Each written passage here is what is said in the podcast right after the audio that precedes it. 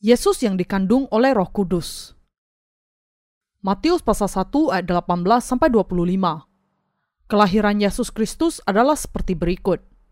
Pada waktu Maria, ibunya, bertunangan dengan Yusuf, ternyata ia mengandung dari Roh Kudus sebelum mereka hidup sebagai suami istri. Karena Yusuf suaminya seorang yang tulus hati dan tidak mau mencemarkan nama istrinya di muka umum, ia bermaksud menceraikannya dengan diam-diam. Tetapi ketika ia mempertimbangkan maksud itu, malaikat Tuhan nampak kepadanya dalam mimpi dan berkata, Yusuf anak Daud, janganlah engkau takut mengambil Maria sebagai istrimu, sebab anak yang di dalam kandungannya adalah dari roh kudus. Ia akan melahirkan anak laki-laki dan engkau akan menamakan dia Yesus, karena dialah yang akan menyelamatkan umatnya dari dosa mereka. Hal itu terjadi supaya genaplah yang difirmankan Tuhan oleh Nabi. Sesungguhnya anak darah itu akan mengandung dan melahirkan seorang anak laki-laki, dan mereka akan menamakan dia Immanuel, yang berarti Allah menyertai kita. Sesudah bangun dari tidurnya, Yusuf berbuat seperti yang diperintahkan malaikat Tuhan itu kepadanya. Ia mengambil Maria sebagai istrinya, tetapi tidak bersetubuh dengan dia sampai ia melahirkan anaknya laki-laki, dan Yusuf menamakan dia Yesus.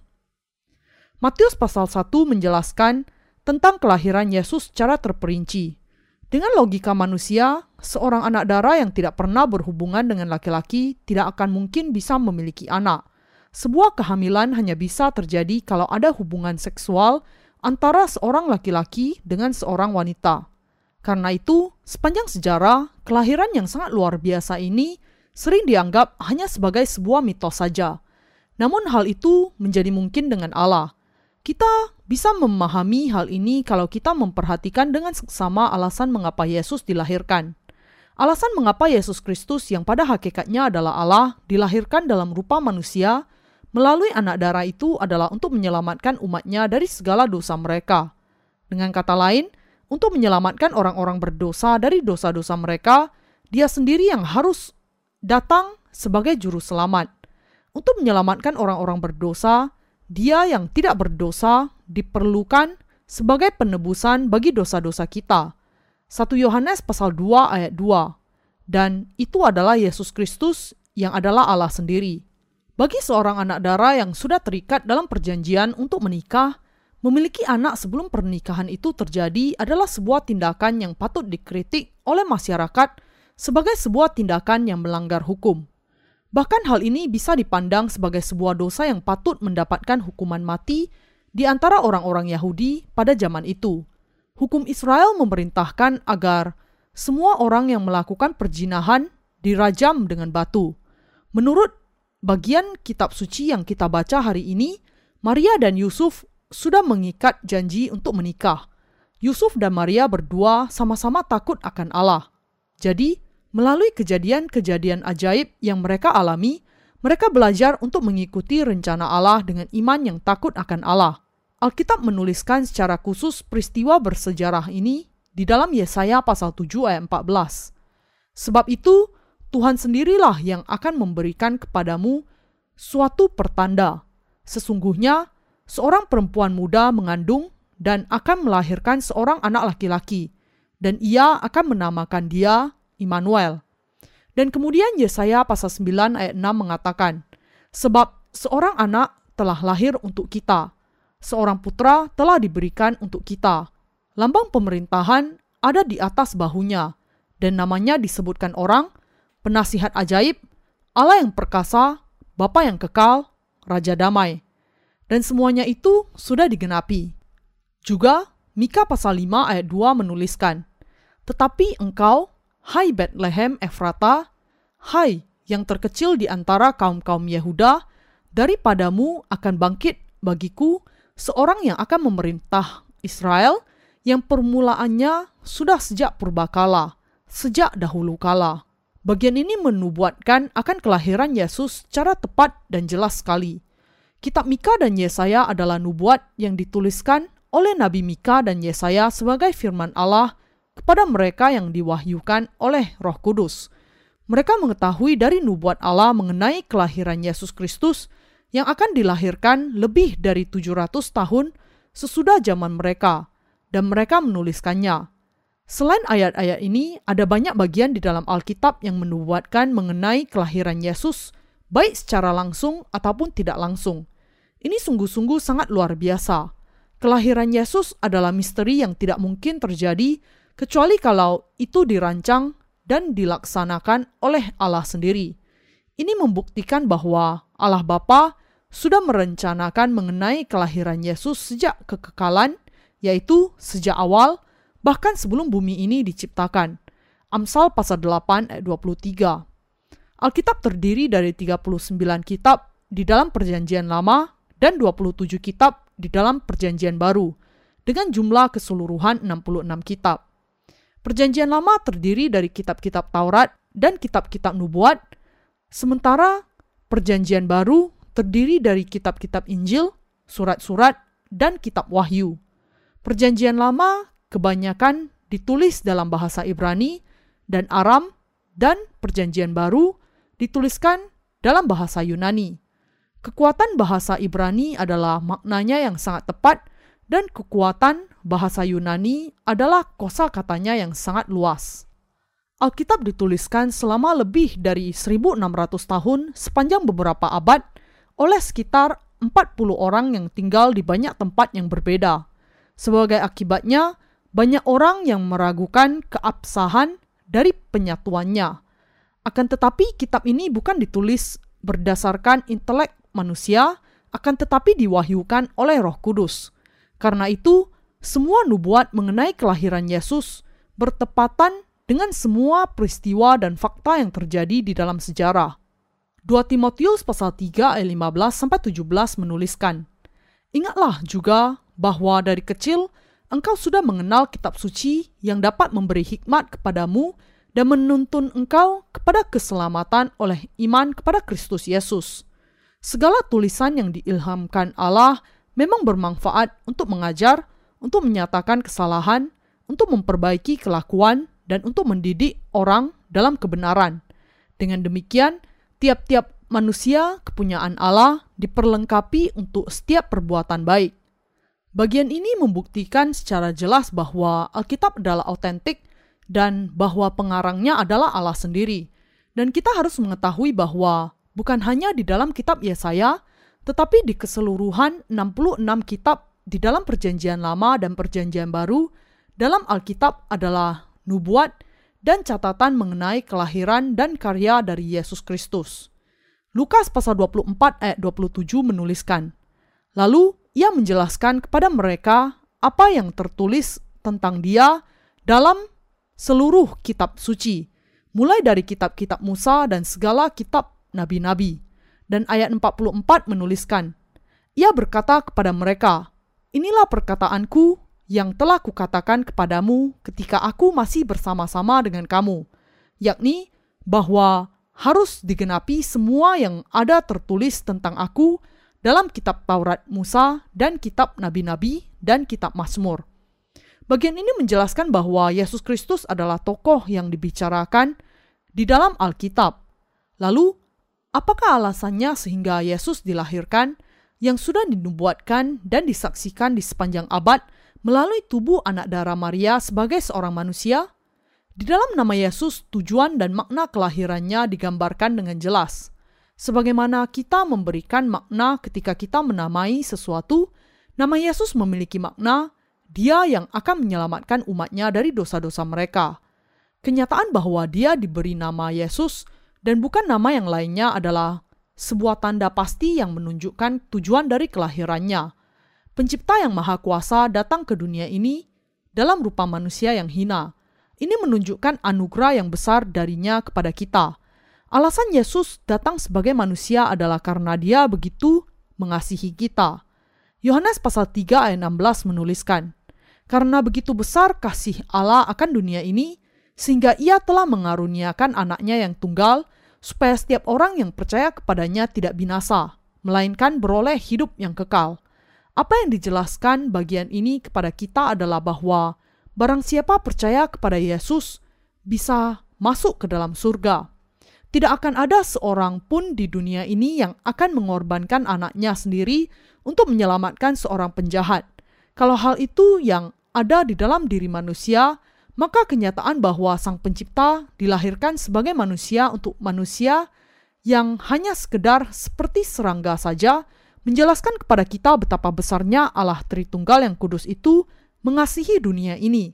Karena itu, kalau ada orang yang menolak kasihnya yang tidak bersyarat itu, dia layak untuk menerima hukuman atas sikap keras kepala itu. Yohanes pasal 8 ayat 24 mengatakan, Karena itu, tadi aku berkata kepadamu, bahwa kamu akan mati dalam dosamu, sebab jikalau kamu tidak percaya bahwa akulah dia, kamu akan mati dalam dosamu. Di sini, apa artinya bagian yang mengatakan, jikalau kamu tidak percaya bahwa akulah dia? Ini berarti kalau kamu tidak percaya bahwa Allah mengutus anak tunggalnya dan bahwa anak tunggalnya itu adalah Yesus Kristus. Alasan Yesus datang ke dunia ini adalah untuk menyelamatkan orang-orang berdosa dari segala dosa mereka sebagaimana yang dituliskan di dalam Matius pasal 1. Karya di dalam perjanjian lama dan perjanjian baru adalah karya roh kudus. Roh kudus itu sungguh-sungguh nyata dan hidup.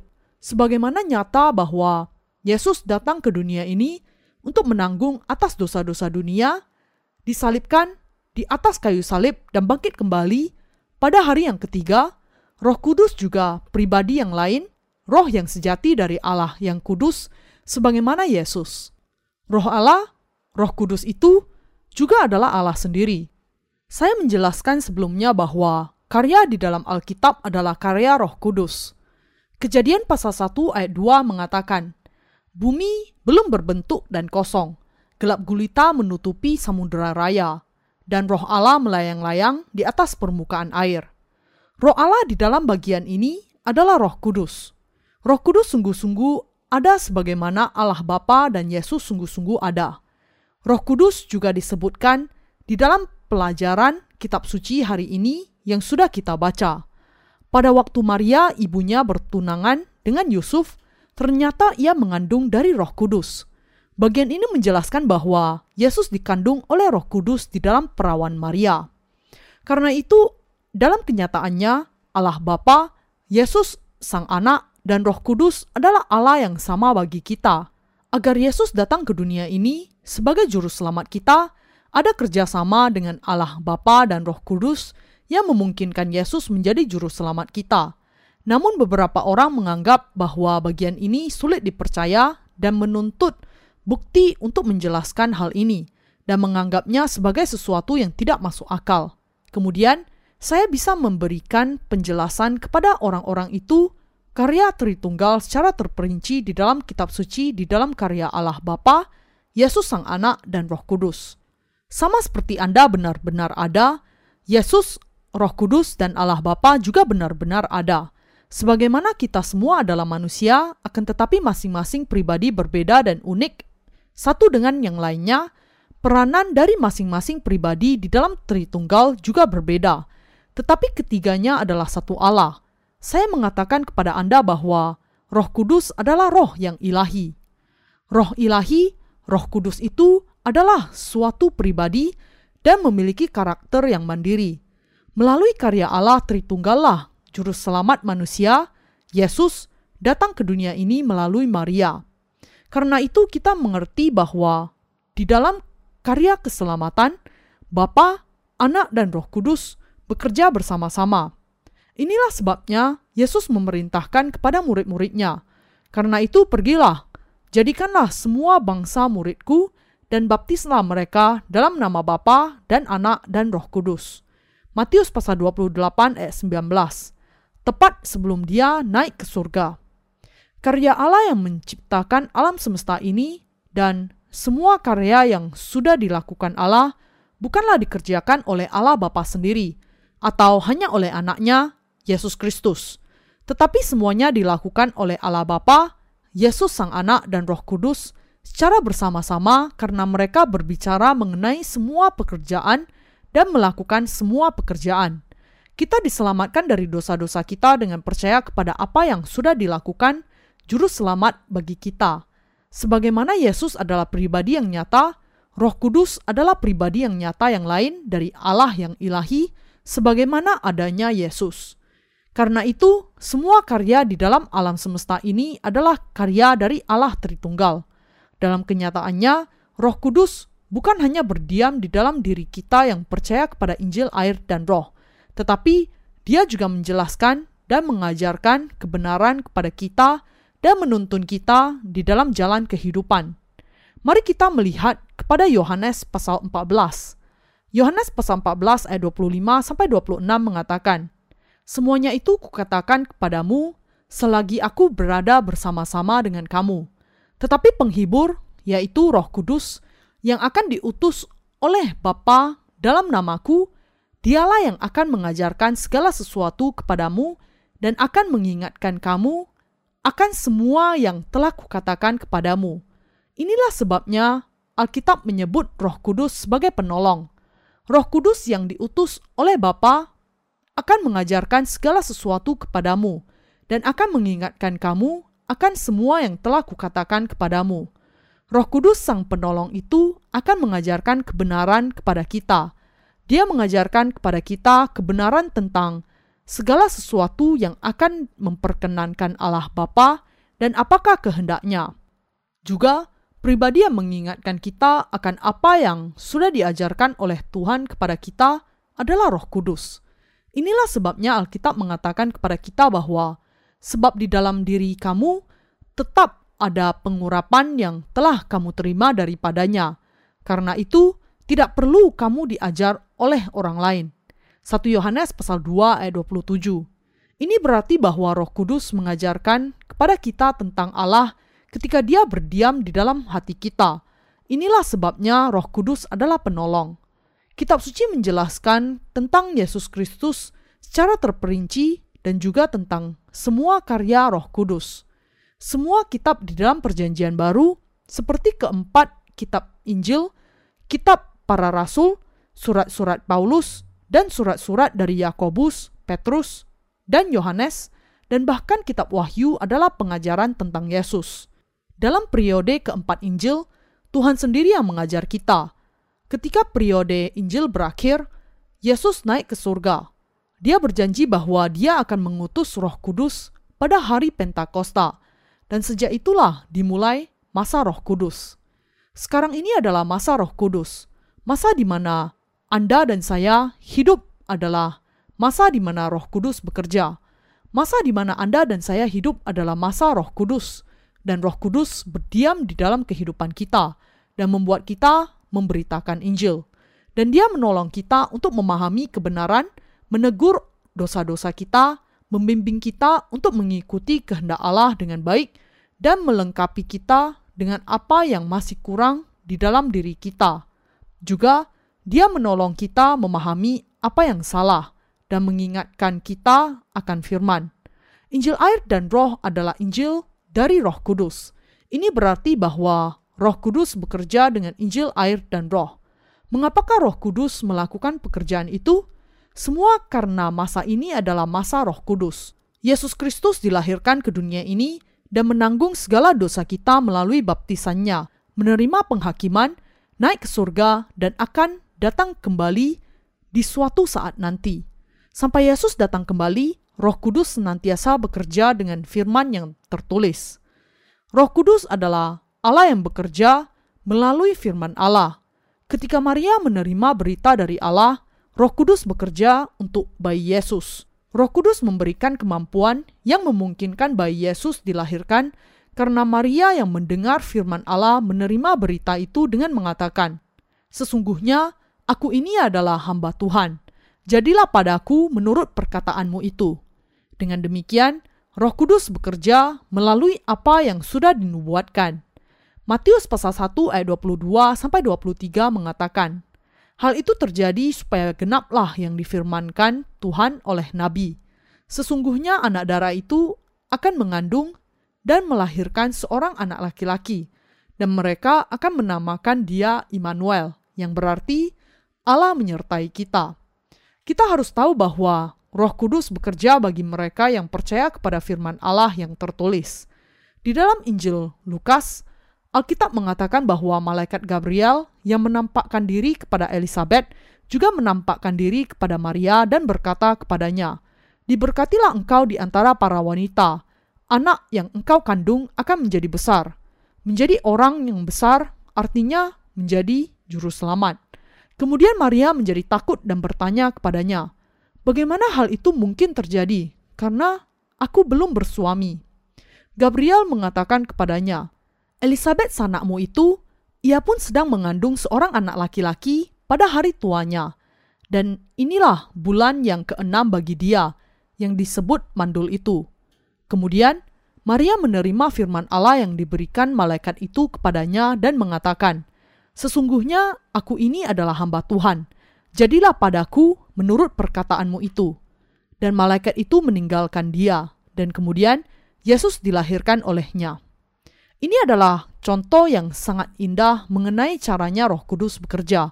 Di zaman ini, Roh Kudus masih ada di dalam dunia ini, bekerja di dalam hati kita Bagaimana Roh Kudus bekerja?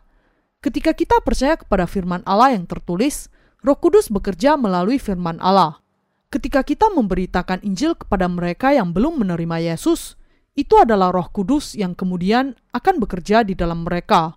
Ketika Anda dan saya memberitakan Injil dan firman Allah, Roh Kudus yang ada di dalam kita bekerja di dalam diri mereka yang belum dilahirkan kembali.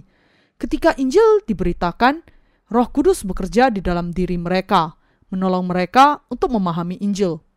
Ketika orang mendengar dan berpikir tentang hal itu, Roh Kudus mengajarkan kepada mereka firman Allah sebagaimana makna yang sebenarnya dan bekerja di dalam diri mereka untuk menolong mereka memahami Injil.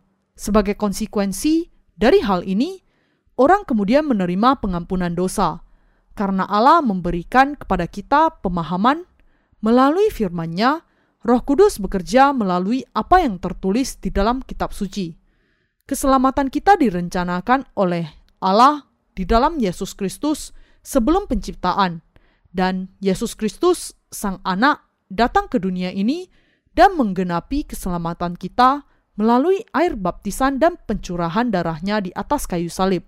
Dan Roh Kudus meyakinkan kita tentang penebusan yang kita sudah terima yang direncanakan oleh Allah Bapa dan dilaksanakan oleh Sang Anak. Roh Kudus sebagai Sang Penolong menolong kita untuk memiliki iman yang kuat dan mengatakan, "Engkau percaya dengan benar, percayalah demikian, itu yang benar."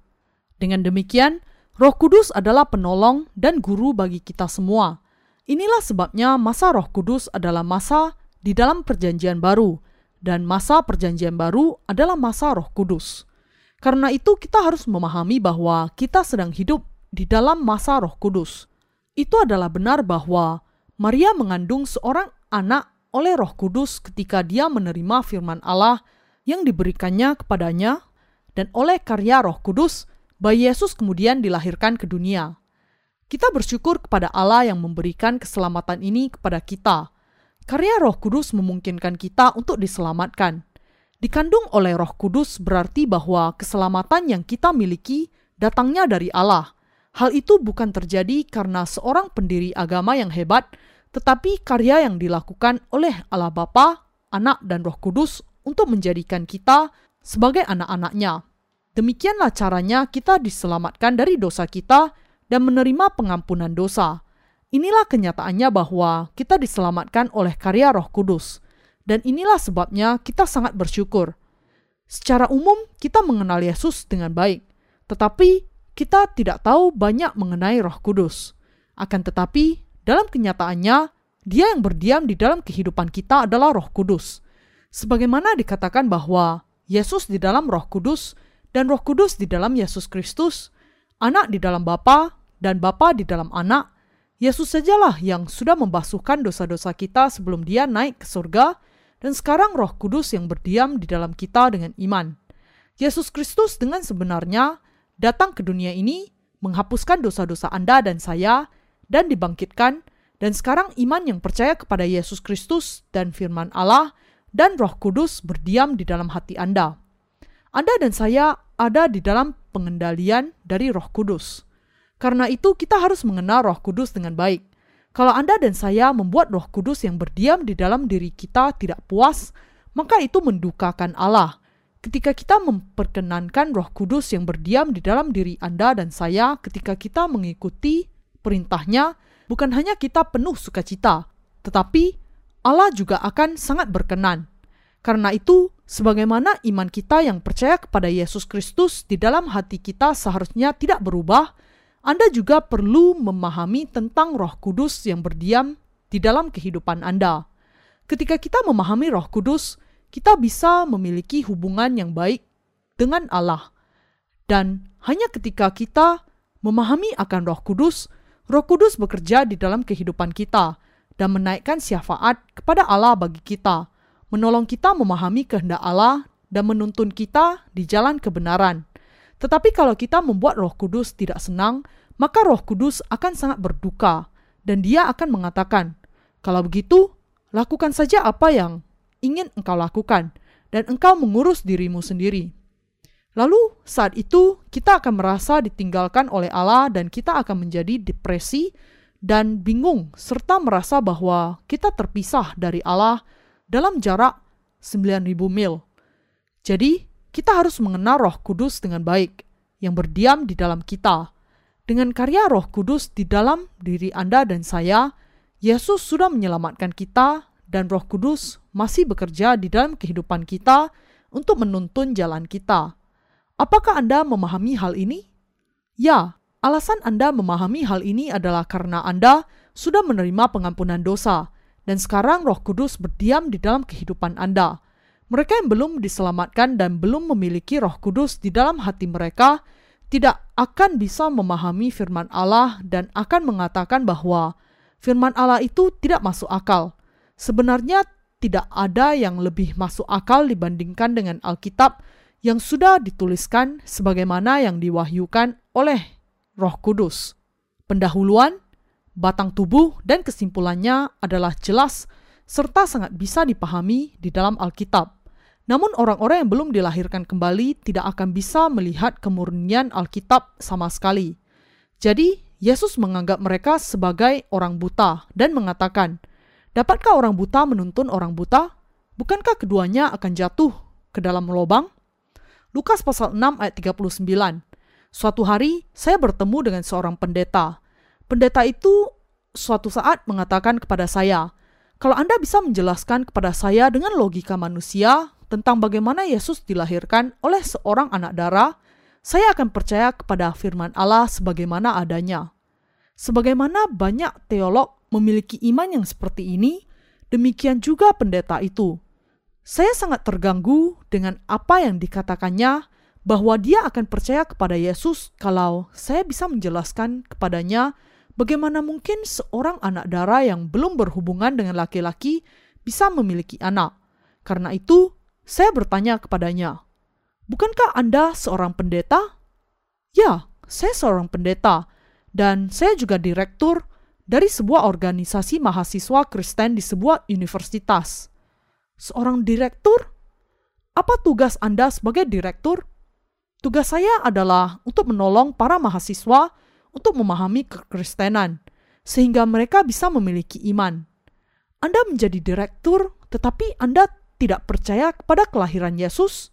Tidakkah Anda percaya bahwa Yesus dikandung oleh Roh Kudus di dalam diri anak darah Maria dilahirkan ke dunia ini dan menyelamatkan kita dari dosa-dosa kita? Tidak, saya tidak percaya. Maka pertama, Anda harus merasa malu kepada diri Anda sendiri.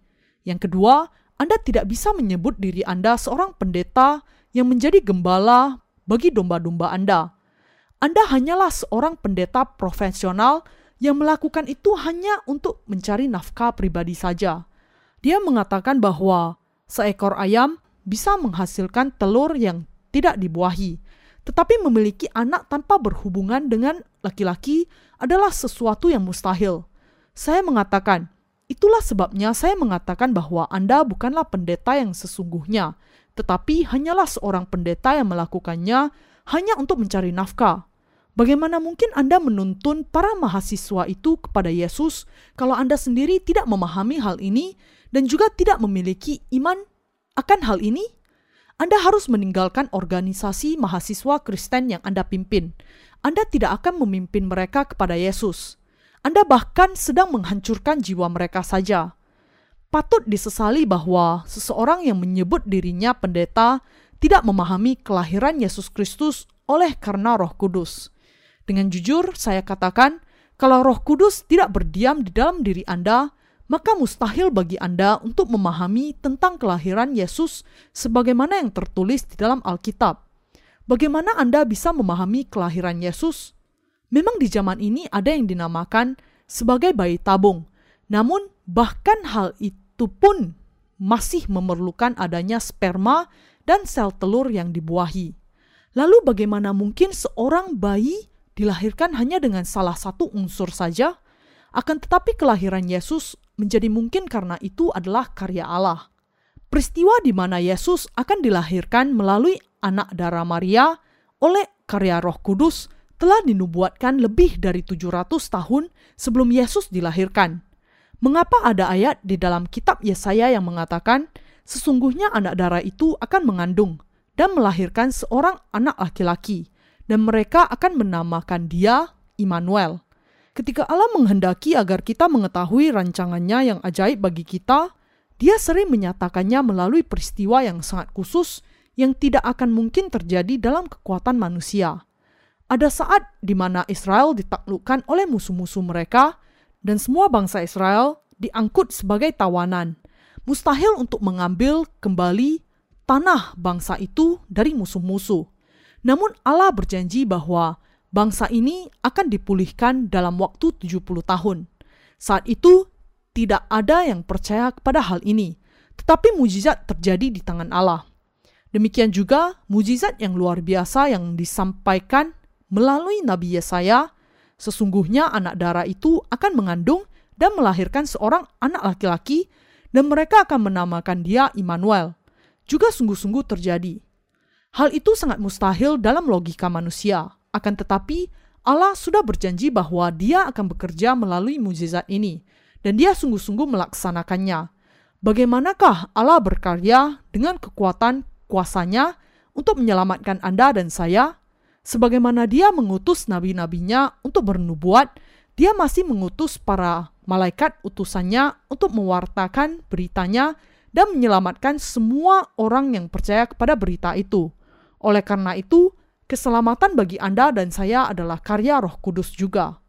Melalui karya dari Allah Tritunggal, Allah Bapa, Yesus Sang Anak, dan Roh Kudus, kita sudah diselamatkan. Jadi, bahkan sampai sekarang, Allah mengutus roh kudus kepada barang siapa yang menerima firman-Nya dan menjadikan mereka sebagai anak-anak Allah. Ketika kita diselamatkan, apakah kita diselamatkan atau menerima roh kudus karena ada orang yang berseru, terimalah api ini, atau terimalah roh kudus ini. Tidak demikian, roh kudus senantiasa bekerja melalui firman yang tertulis. Apakah kita membacanya sendiri atau mendengarkan orang lain yang mewartakannya kalau kita percaya kepada firman, Roh Kudus bekerja di dalam diri kita untuk menolong kita memahami firman itu dan meneguhkan kita. Jadi, Roh Kudus menggenapi firman yang tertulis itu di dalam kehidupan kita seperti yang tertulis. Inilah sebabnya Allah memberikan Roh Kudus sebagai karunia kepada mereka yang percaya kepada firman. Anda dan saya sudah menerima keselamatan yang sungguh-sungguh ajaib melalui karya dari Roh Kudus. Di sini bahwa anak darah Maria mengandung seorang bayi, Yesus melalui imannya kepada firman dan bahwa Anda sudah diselamatkan melalui percaya kepada Injil air dan roh dan kemudian Yesus datang untuk berdiam di dalam diri Anda sebagai roh kudus, semuanya adalah prinsip yang sama. Kalau Anda percaya kepada firman Allah, Anda akan menerima pengampunan dari dosa Anda dan kemudian menjadi anak Allah. Ketika Anda menjadi anak Allah, Roh Kudus tinggal di dalam diri Anda. Yesus Kristus adalah anak Allah yang datang oleh karena Roh Kudus. Yesus, anak Allah itu tidak memiliki dosa. Dia berkarya di dalam diri kita dengan cara yang sama sebagaimana yang tertulis di dalam pelajaran kitab suci. Ketika Maria menerima berita dari malaikat, firman menjadi daging dan lahir sebagai bayi Yesus. Demikianlah caranya firman bekerja Demikianlah caranya Yesus menjadi juru selamat kita. Ketika kita mengatakan karya Roh Kudus, Mungkin ada yang membayangkan bahwa Roh Kudus menampakkan diri kepada Maria dan mengatakan kepadanya, "Aku akan bekerja melalui engkau sejak saat ini sampai seterusnya." Lalu melakukan beberapa keajaiban. Bukan itu yang terjadi, bukan itu yang dilakukan Allah. Ketika Allah menyampaikan firman-Nya, kalau kita menerima firman Allah, Roh Kudus bekerja di dalam diri kita bersama dengan firman Allah, dan sebagai hasilnya, firman itu digenapi di dalam diri kita ketika kita percaya. Prinsip yang sama diaplikasikan di dalam kelahiran Yesus dan dalam peristiwa kita dilahirkan kembali. Demikianlah yang terjadi ketika Anda menerima pengampunan dosa Anda. Demikianlah yang terjadi ketika saya dilahirkan kembali. Ketika kita menerima dan percaya kepada firman Allah, dosa-dosa kita sungguh-sungguh dihapuskan dan Roh Kudus meneguhkan hal itu. Demikianlah caranya Yesus dan Roh Kudus bekerja. Bukankah itu luar biasa? Maria menerima firman Allah dan bayi Yesus dilahirkan. Apa yang terjadi ketika Anda dan saya menerima firman keselamatan melalui baptisan Yesus dan darahnya di kayu salib? Apakah jiwa Anda dilahirkan kembali sebagai orang-orang benar atau tidak? Semuanya dilahirkan kembali. Apakah di dalam Yesus ada Roh Kudus atau tidak? Ada. Roh Kudus ada di dalam Yesus sejak kelahirannya. Apakah ada Roh Kudus di dalam kehidupan kita yang menjadikan kita dilahirkan kembali oleh Injil air dan Roh? Ada. Semua itu adalah mukjizat yang sama. Semuanya adalah firman yang sama. Apakah Anda memahami firman bahwa Yesus dilahirkan oleh karya Roh Kudus? Ya, semuanya adalah karya yang sama. Itu adalah sesuatu yang sangat ajaib. Karena itu, ketika kita menerima pengampunan dosa-dosa kita dengan menerima Yesus, itu bukanlah akhir. Roh Kudus yang sesungguhnya hidup di dalam kita mengajar kita dan menuntun kita sebagai guru. Karena itu, Roh Kudus di dalam diri kita lah yang memerintah kita, mengajar kita, dan menuntun kita. Karena itu, kita tidak sendirian. Allah, Sang Roh Kudus, senantiasa menyertai Anda. Anda bersama dengan Allah. Demikian juga, Roh Kudus menolong kita dalam kelemahan kita ketika kita berada di dalam kesulitan atau kesukaran. Karena kita tidak tahu apa yang harus kita doakan, meskipun kita harus berdoa, tetapi Roh Kudus sendiri yang menaikkan syafaat bagi kita dengan keluhan yang tidak terkatakan. Roma pasal 8 ayat 26. Kalau kita tidak tahu apa yang harus kita lakukan, Roh Kudus yang akan mengajar kita. Bukan begitu caranya, tetapi inilah caranya. Dia mengingatkan kita akan firman Allah dan menghiburkan kita. Ketika kita sedang berduka, Dia memegang hati kita dan menghibur kita. Demikianlah kita akan senantiasa bersama dengan Roh Kudus. Anda dan saya telah menerima keselamatan yang sangat ajaib. Keselamatan yang sudah Anda dan saya terima memang sungguh-sungguh ajaib. Bapa, Anak, dan Roh Kudus menciptakan alam semesta ini, sehingga Anda dan saya bisa menerima keselamatan ini dan menjadi anak-anak Allah. Kita harus memahami hal ini. Mengapakah Allah menciptakan dunia?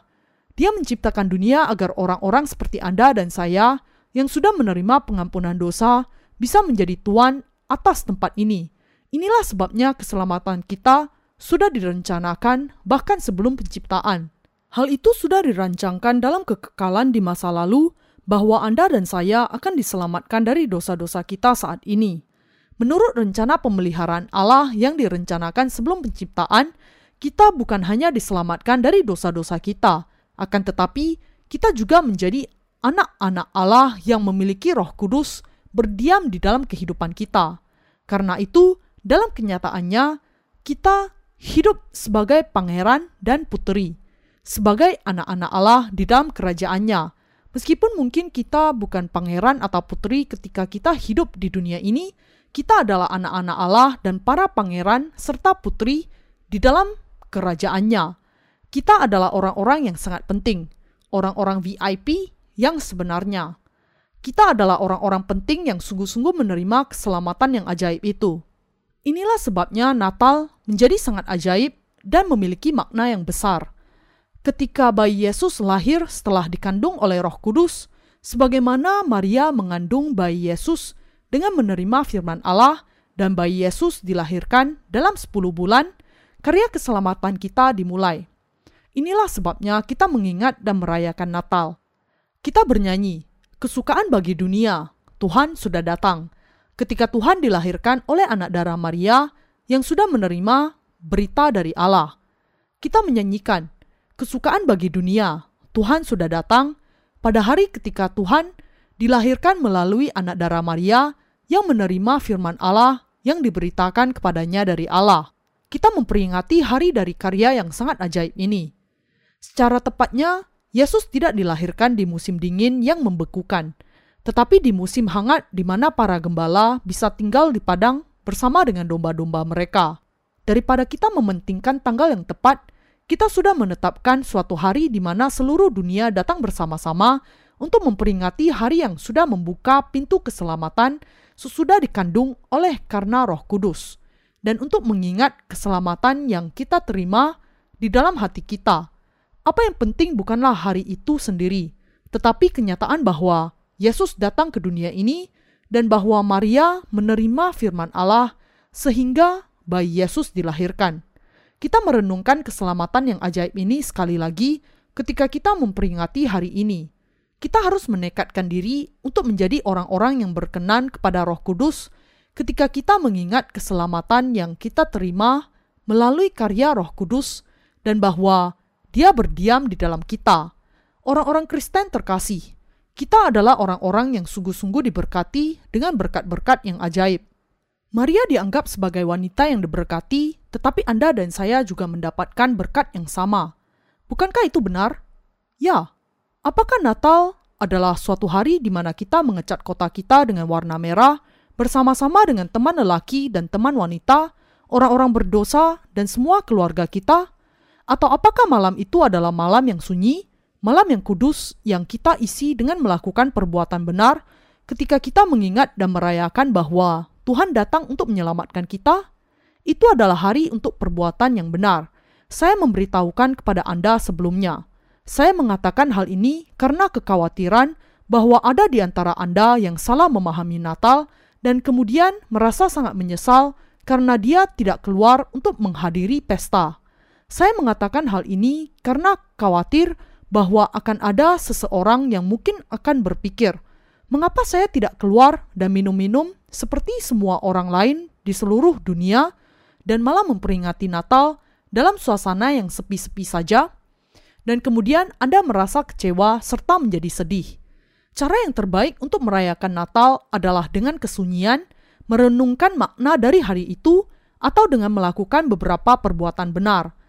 Tidak ada Natal yang lebih berkesan daripada jika kita memberitakan Injil di hari Natal ini, dan sebagai hasilnya, seseorang akan menerima pengampunan dosa.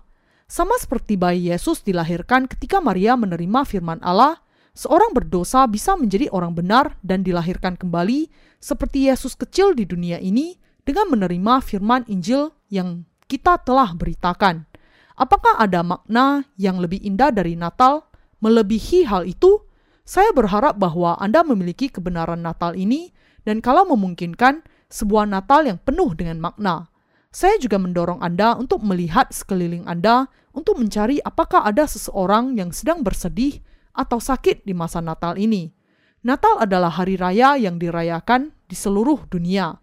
Namun, kita harus ingat dan percaya bahwa hari ini bisa menjadi hari yang sangat menjadikan bagi beberapa orang dan karena itu Anda bisa menjadikan Natal ini sebagai Natal yang bermanfaat bagi orang-orang lain. Natal adalah hari yang penuh sukacita dan ucapan syukur. Bagi saya, saya berharap penerbitan buku-buku rohani kami bisa dilakukan dengan cepat sehingga saya bisa membagikannya pada hari Natal. Saya mendengar bahwa buku pertama saya akan dikirim ke Amerika besok, dan saya berharap bahwa buku itu dapat segera diterbitkan di Amazon.com, sehingga banyak orang bisa membacanya tahun depan. Karena banyak buku-buku yang juga diterbitkan di Cina saya harap bahwa penerbitannya bisa diselesaikan dengan cepat sehingga banyak buku bisa dibagikan di Hong Kong dan Cina pada tahun depan. Sebagaimana Maria mengandung bayi Yesus dengan menerima firman Allah, saya berharap bahwa orang-orang Cina bisa menerima Yesus dan menerima pengampunan dosa juga. Bukankah itu harapan Anda juga? Ya, saya berharap bahwa Anda memiliki Natal yang sangat berarti dan Natal yang nyaman bersama dengan orang-orang benar yang lain kalau hal itu memang memungkinkan. Kita bersyukur kepada Allah atas keselamatan kita dan perlindungannya kepada kita. Kita melihat banyak kecelakaan terjadi di setiap masa Natal, dan kita bersyukur kepada Allah yang melindungi kita dari kecelakaan-kecelakaan ini. Ada banyak kecelakaan karena kemabukan dan kendaraan, dan juga banyak kejahatan dilakukan oleh orang-orang muda yang menginginkan uang untuk dipakai membiayai pesta poranya. Kita semua harus berhati-hati di masa libur Natal. Saya berharap bahwa Anda senantiasa berdoa, meminta perlindungannya untuk pengabaran Injil, untuk kerajaannya, untuk keselamatan Anda, untuk keselamatan gerejanya, dan keselamatan para hamba Allah dan saudara-saudara seiman Kristen dan untuk keselamatan banyak jiwa.